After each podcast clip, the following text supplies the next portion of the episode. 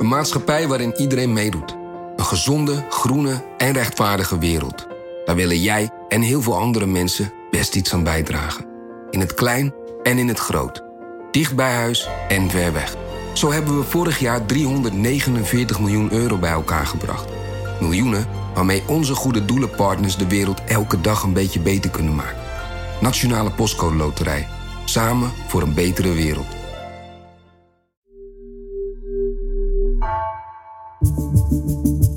Vanaf de redactie van NRC het verhaal van vandaag.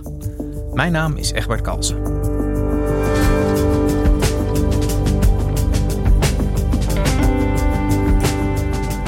Vanaf september 2023 krijgen studenten in het hoger onderwijs weer een basisbeurs. Nu het leenstelsel officieel ten graven wordt gedragen, maakt onderwijsredacteur Patricia Veldhuis de balans op. Zij zag hoe de pechgeneratie zichzelf diep in de schulden stak, stress ervaarde en beloftes in rook op zag gaan.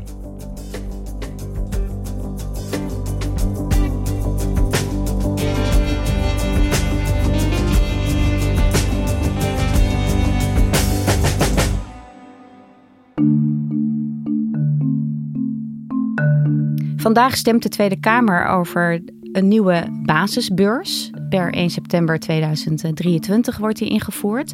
Daar is een eh, ruime meerderheid voor. Al moet de Eerste Kamer natuurlijk ook nog uh, voor stemmen, maar ook daar is een meerderheid. En daarmee komt een eind aan het vermaledijde leenstelsel, uh, waar studenten flink van baalden, omdat ze daardoor hoge schulden hebben opgebouwd en meer stress hebben gekregen en wij hebben een oproepje gedaan met de vraag hoe studenten uit de leenstelselgeneratie, ook wel de pechgeneratie genoemd, dat heeft ervaren. Uh, hoi, NSC. Goedemorgen. Ik laat even een berichtje achter. Ik dacht ik reageer even. Uh, jullie vroegen naar de algemene ervaring van het leenstelsel. Nou, dat kan ik in één woord samenvatten. Dat is namelijk één grote leugen en één grote loze belofte geweest. Ik heb een opbouwende studieschuld van 41.000 344 euro en 92 cent. De, de, conclusie is toch wel een beetje na acht jaar leenstelsel kan je wel zeggen dat deze generatie echt geleden heeft onder dat leenstelsel. Het is wel jammer dat je uh, eigenlijk onder valse voorwaarden uh, dat leenstelsel in wordt vertrokken. Nu ben ik klaar, maar ik heb wel gewoon een schuld. En daar moet ik dus de rest van mijn leven mee leven. Dat is iets wat dus mij blijft achtervolgen tot ik 40, 50 ben. En ik vroeg me af, wat is nou precies de erfenis van acht jaar leenstelsel?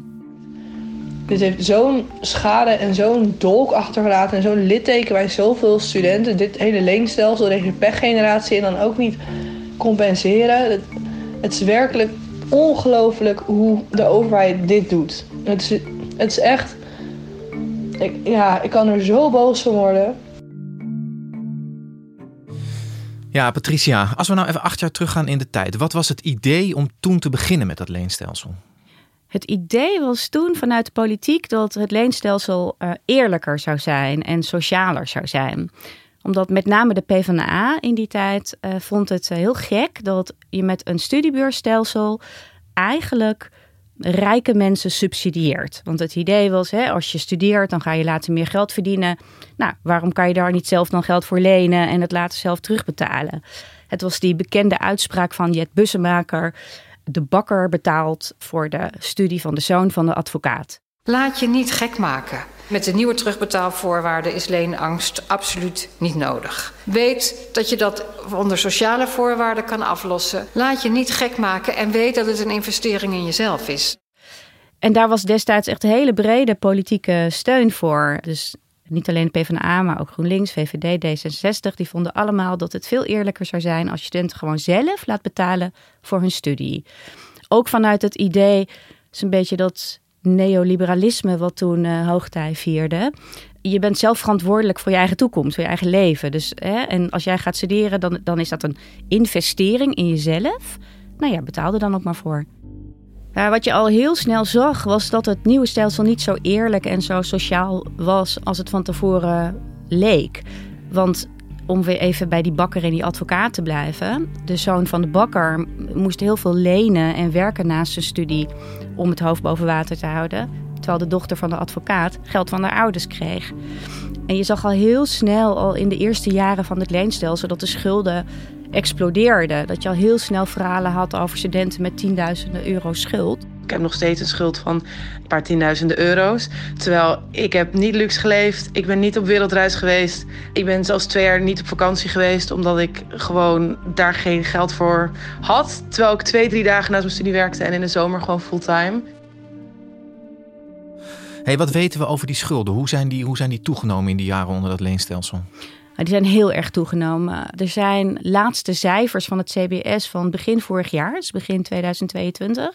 En dan zie je dat de totale schuldenlast van studenten en oud-studenten 26 miljard is. En dat is een verdubbeling ten opzichte van 2015, toen het leenstelsel werd ingevoerd. En we weten ook dat de gemiddelde schuld een jaar geleden ongeveer 16.000 euro was per student. Maar ja, dat is een gemiddelde. Want er zijn hele grote groepen studenten die 40, 50, 60.000 euro schuld hebben. Dat is tegenwoordig ja, wrang genoeg heel normaal. Ik kom uit een gezin, nou, we zijn niet arm, maar ook niet rijk. Dus mijn ouders konden niet uh, mijn school betalen. En ik had ook geen recht op extra beurs. Dus ik viel een beetje tussen wal en schip. Ik heb op het moment een studieschuld van 66.000 euro. Uh, ik heb een opbouwende studieschuld van 41.344 euro en 92 cent. Ik heb een studielening van ongeveer 50.000 euro op dit moment. Nou ja, dus het hele plaatje is gewoon echt, eh, die schuldenlast is geëxplodeerd. Uh, dus heel veel studenten starten hun werkende leven met een, met een halve ton schuld. Of meer. Dus een, een, echt een verdubbeling hè, in de jaren dat dat leenstelsel uh, er is geweest. Was dat eigenlijk de verwachting toen? Ja, er waren hartstikke veel mensen die hiervoor waarschuwden. De studentenorganisaties op de eerste plaats natuurlijk. Er waren ook demonstraties op het Malieveld destijds. En het Nibud heeft er onderzoek naar gedaan en heeft gezegd: luister, dit, dit gaat er waarschijnlijk gebeuren. Maar het werd een beetje weggemasseerd in de politieke discussie van destijds. Ook omdat er werd gezegd door Bussemaker, de toenmalige onderwijsminister. Ja, nee, het geld dat we besparen gaan we investeren in het onderwijs. We gaan zorgen dat de kwaliteit daarvan beter wordt. Ze hoeven minder af te betalen. Ze mogen langer doen over een afbetaling. Ze houden hun OV-kaart. En er wordt veel meer geïnvesteerd in onderwijs. Dat betekent dat een beter onderwijs kan komen, kleinere groepen, intensiever onderwijs, meer excellentie, meer internationalisering. En dat is voor ons allemaal een enorme belangrijke drijfveer geweest om dit akkoord te sluiten. Ja, dat was misschien een beetje een, eh, een abstractie hè, voor veel mensen voordat ze aan hun studie begonnen. Wat het nou precies behelste, dat leenstelsel. Um, ik herinner me ook nog dat een van de beloftes die de politiek toen heeft gedaan, was dat als je die schuld eenmaal had, dat je daar de rest van je leven eigenlijk geen last meer van zou hebben. Hè? Maar inmiddels weten we wel beter. Er is toen inderdaad gezegd, uh, nou je kan gewoon een huis kopen, niks aan de hand en uh, de rente is nul. Je mag uh, 100 jaar aflossen. Ik overdrijf even, het is 35 jaar het leek allemaal niet zo heel erg. Eigenlijk is in mijn ogen het leenstelsel best wel logisch dat je nou ja, een investering doet voor je toekomst en dat het ook in de vorm van een lening kan. Alleen wat mij zo steekt is dat de beloftes die destijds gemaakt zijn om dit in te kunnen voeren, je zou ook bij de aanvraag van hypotheek geen problemen krijgen, het zou niet meetellen. Al die beloftes zijn gewoon niet waargemaakt. Dus eigenlijk de, de voorwaarden waardoor een meerderheid kon komen om dit door te voeren, ja, dat bleken gewoon leugens achteraf. En naast die stijgende schuldenlast zag je ook al heel snel andere gevolgen van het leenstelsel. Het is lastig en ik denk dat het heel erg bedrukt is en heel erg veel stress geeft eh, aan heel veel studenten. En het, het voelt niet belonend uh, om een studie te, te doen en vervolgens met heel veel schulden opgescheept te zitten, die je in je verdere leven ook beïnvloeden. En wat voor effect dit leenstelsel op mij heeft gehad. Het is een constante stressor, want elke keer als jij dingen niet haalt, heb je niet alleen stress om het feit dat je iets niet hebt gehaald en daarvoor opnieuw moet gaan leren, maar ook dat het je extra geld kost. Ja, dat heeft uh, nogal wat invloed op de levens van deze studenten, hè, als je dat zo hoort. En is nou ook wel eens onderzocht wat de effecten zijn van dat leenstelsel op de studenten? Je ziet uh, verschillende onderzoeken naar de sociale maatschappelijke gevolgen van het leenstelsel. En dan zie je bijvoorbeeld dat studenten langer thuis zijn blijven wonen, langer afhankelijk zijn van hun ouders. Maar ook soms zoveel meer zijn gaan werken naast hun studie, dat ze daar ook niet volwaardig uh, mee kunnen doen met het studentenleven. Maar wat veel heftiger nog is, volgens iedereen die zich hier de afgelopen jaren mee heeft bezighouden, is de psychische druk die het leenstelsel op studenten heeft gelegd. Ze hebben veel meer last van stress, veel meer last van prestatiedruk. Uh, je kan nooit precies zeggen hoeveel meer dat is in vergelijking met studenten daarvoor, omdat er ook andere factoren een rol spelen. Maar dat het leenstelsel daar invloed op heeft, op hun stress en hun prestatiedruk, is zeker. Mijn studietijd was zwaar. De studie vroeg altijd veel aandacht en daarnaast moest ik ook omgaan met een depressie. Ik ervaarde veel prestatiedruk. Ik heb veel druk ervaren om te moeten blijven werken naast mijn studie, ook al was dit soms te veel. Is nou ook de angst die de tegenstanders van het stelsel hadden uitgekomen dat het onderwijs zelf minder toegankelijk is geworden door dat leenstelsel? Nee, zeker niet. Je ziet eigenlijk vooral dat de laatste jaren nog meer studenten kiezen voor een opleiding aan een hogeschool of een universiteit. Enige wat je kunt zien in een van de onderzoeken die een tijd geleden is gedaan, dat er een klein dipje lijkt te zijn tussen het aantal studenten die van een MBO overstappen naar een HBO. Maar daarvan weten we ook niet zeker Komt dat omdat ze leenangst hadden? Of omdat de arbeidsmarkt zo goed is dat ze gewoon lekker aan het werk gaan? Wat daarbij komt is dat je kan ook niet stoppen na je HAVO of je VWO-diploma. Ja, dat kan wel, maar we leven in een maatschappij waarin opleiding super belangrijk is voor de rest van je leven. En waarin ook een enorme opwaartse druk is om zo hoog mogelijk eh, te komen. Dus het is een beetje simpel om te zeggen, nou ja, dan ga je toch met je HAVO-diploma achter de kassa van het kruidvat zitten. Zo werkt het niet. Een van de beloftes die destijds ook gedaan was bij het leenstelsel was dat het geld dat ermee bespaard zou worden, hè, zei je al, geïnvesteerd zou worden in kwaliteitsverbetering van het onderwijs. Is dat gebeurd? Voor een deel wel, maar voor een deel ook niet. Wat we daarvan weten, er zijn verschillende onderzoeken uh, naar gedaan. En daaruit blijkt telkens dat het heel lastig is om te kijken wat is er nou precies uh, teruggeïnvesteerd eigenlijk. En dat het ook heel erg verpulverd is. Sowieso is een, het grootste deel van het bedrag is pas na 2018 vrijgekomen. En het andere deel dat is een beetje verspreid over duizend verschillende aanpassingen van het onderwijs. Hè. Op, op de ene universiteit is de universiteitsbibliotheek langer open. Op de andere universiteit zijn wat meer docenten aangenomen. Maar als je echt met een afstand kijkt, dan is er tegelijkertijd um, zo'n grote groei van het aantal studenten dat het niet heeft geleid tot een verbetering van het onderwijs. Uh, bij mijn opleiding heb ik het idee dat er eigenlijk niks, uh, niks veranderd is. Er is geen verbetering geweest. En vervolgens uh, val je eigenlijk gewoon precies tussen het wal en het schip. En zijn wij eigenlijk gewoon een gefaalde test voor de overheid. Dus als je dat allemaal bij elkaar optelt, dan is het eigenlijk wel logisch dat je nu ziet dat er echt een, een grote politieke meerderheid is die zegt: ja, dat leenstelsel heeft gewoon niet gewerkt.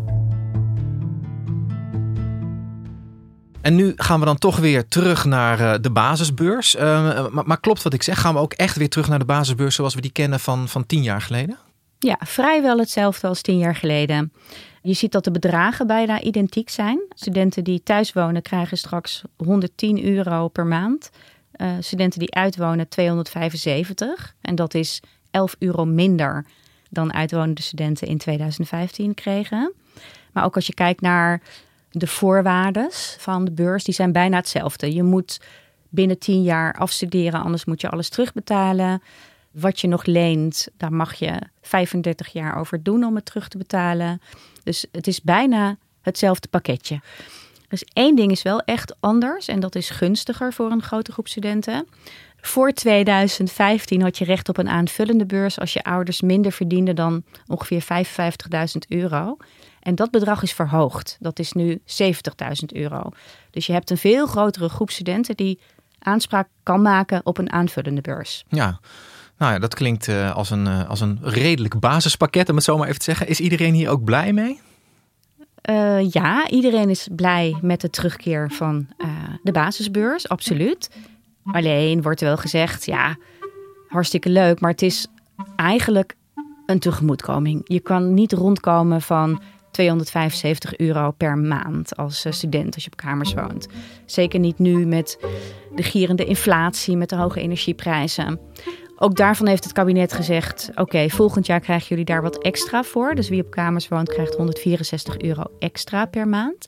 Er zijn partijen en studentenorganisaties die willen dat dat structureel wordt. Dus daar wordt nog over gesteggeld de komende tijd.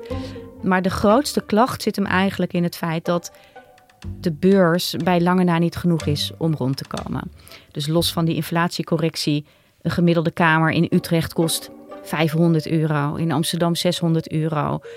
Het collegegeld is 2300 euro volgend jaar. Ja, dat, het is echt een tegemoetkoming. Dus dat betekent dat studenten natuurlijk nog steeds zullen moeten blijven lenen als hun ouders niet genoeg kunnen bijbetalen en zullen moeten werken. Ja, dus een, volledig dekkende beurs is het niet en is, zal het ook niet worden als ik jou eh, goed beluister. Het verschil met, met de generatie die moest lenen is natuurlijk wel substantieel, zou je kunnen zeggen. Wordt er nou nog iets gedaan om met terugwerkende kracht die pechgeneratie van studenten te compenseren? Nou ja, het kabinet heeft dus besloten om ze te compenseren. Ze noemen het zelf een tegemoetkoming van ongeveer 1400 euro per student. Dat bedrag krijg je als je vier jaar onder het leenstelsel hebt gestudeerd. Ja, en eh, studentenorganisaties en een aantal politieke partijen zijn hier niet tevreden over, omdat het ja, een heel klein percentage is van sowieso de gemiddelde studieschuld van 16.000 euro. Maar ook als je uitrekent wat ze zijn misgelopen de afgelopen acht jaar. Uh, op een studietijd van vier jaar, als je een uitwonende beurs zou hebben gehad van om en nabij de 300 euro, ja, dan is het 14.000 uh, euro. Het verschil tussen 1400 en 14.000 is natuurlijk wel fors. En ja, het is dan jammer dat je dan ook weer uh, zo'n tegemoetkoming van maar 1000 euro krijgt. Dat die basisbeurs dan niet met terugwerkende kracht van je studieschuld wordt afgetrokken. Dus het feit dat we niet gecompenseerd gaan worden, of ja, niet passend gecompenseerd, uh, vind ik wel echt heel erg pijnlijk. Want wij zijn nu de dupe van een fout die de politiek heeft gemaakt, die nul invloed op hun persoonlijke leven heeft gehad. En uh, nou ja, het is wel erg uh, stom. Ja, het voelt echt als de pechgeneratie. Ik moet nu een schuld afbetalen en degenen die voor mij waren hoeven dat niet. En degenen die na mij waren hoeven dat ook niet. En wat daar nog eens bij komt, is dat dit misschien wel met recht uh, de pechgeneratie genoemd kan worden. Omdat ze ook nog eens uh, studeerden in coronatijd. Ze hebben ruim twee jaar amper colleges kunnen volgen. Althans niet live in een uh, collegezaal. Ze hebben nauwelijks deel kunnen nemen aan wat het normale studentenleven is. Hè? Waarin je vrienden maakt, mensen leert kennen, allerlei andere activiteiten doet. Dus ja, ze zijn wel een beetje in het pak genaaid. We zijn een soort proefkonijnen. Als jij aan het leenstelsel bent begonnen, heb jij daarvoor nooit de keuze gehad om voor dat leenstelsel te stemmen of niet. Want de meeste mensen die zijn begonnen voor of net na hun achttiende. Ze zijn gewoon dit opgelegd. Wat opvalt uh, in heel veel van de reacties die we kregen van studenten, die zeggen: Je voelt ons een beetje proefkonijnen. Proefkonijnen in een mislukt experiment. En dat is voor een deel wel te snappen als je kijkt naar de snelheid waarmee het leenstelsel nu weer wordt afgeschaft. Het is best bijzonder dat dat maar acht jaar heeft bestaan, terwijl je daarvoor 30 jaar een basisbeurs hebt gehad. En diezelfde basisbeurs nu weer opnieuw wordt ingevoerd. Nu heb ik veel stress voor de toekomst. Ik maak me zorgen over het kopen van een huis en het aflossen van de schuld. Het voelt ontzettend oneerlijk om nauwelijks gecompenseerd te worden. Mijn hele generatie, inclusief ikzelf, heeft ontzettend veel financiële en mentale last overgehouden aan het mislukte leenstelsel. Wij moeten er nu voor opdraaien en niet de politici die de fout hebben gemaakt om het in eerste instantie in te voeren. Het komt gewoon neer op een gefaald experiment van je overheid. En dat, ja, dat is gewoon kut dat je daar dan de dupe van bent als het ware. Dankjewel Patricia. Graag gedaan.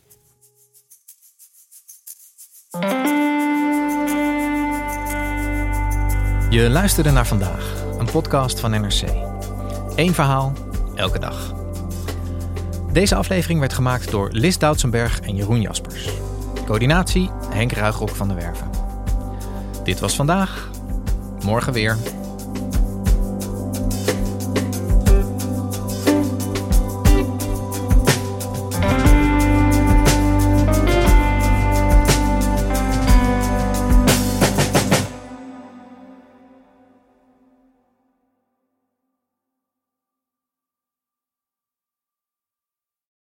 De financiële markten zijn veranderd, maar de toekomst, die staat vast.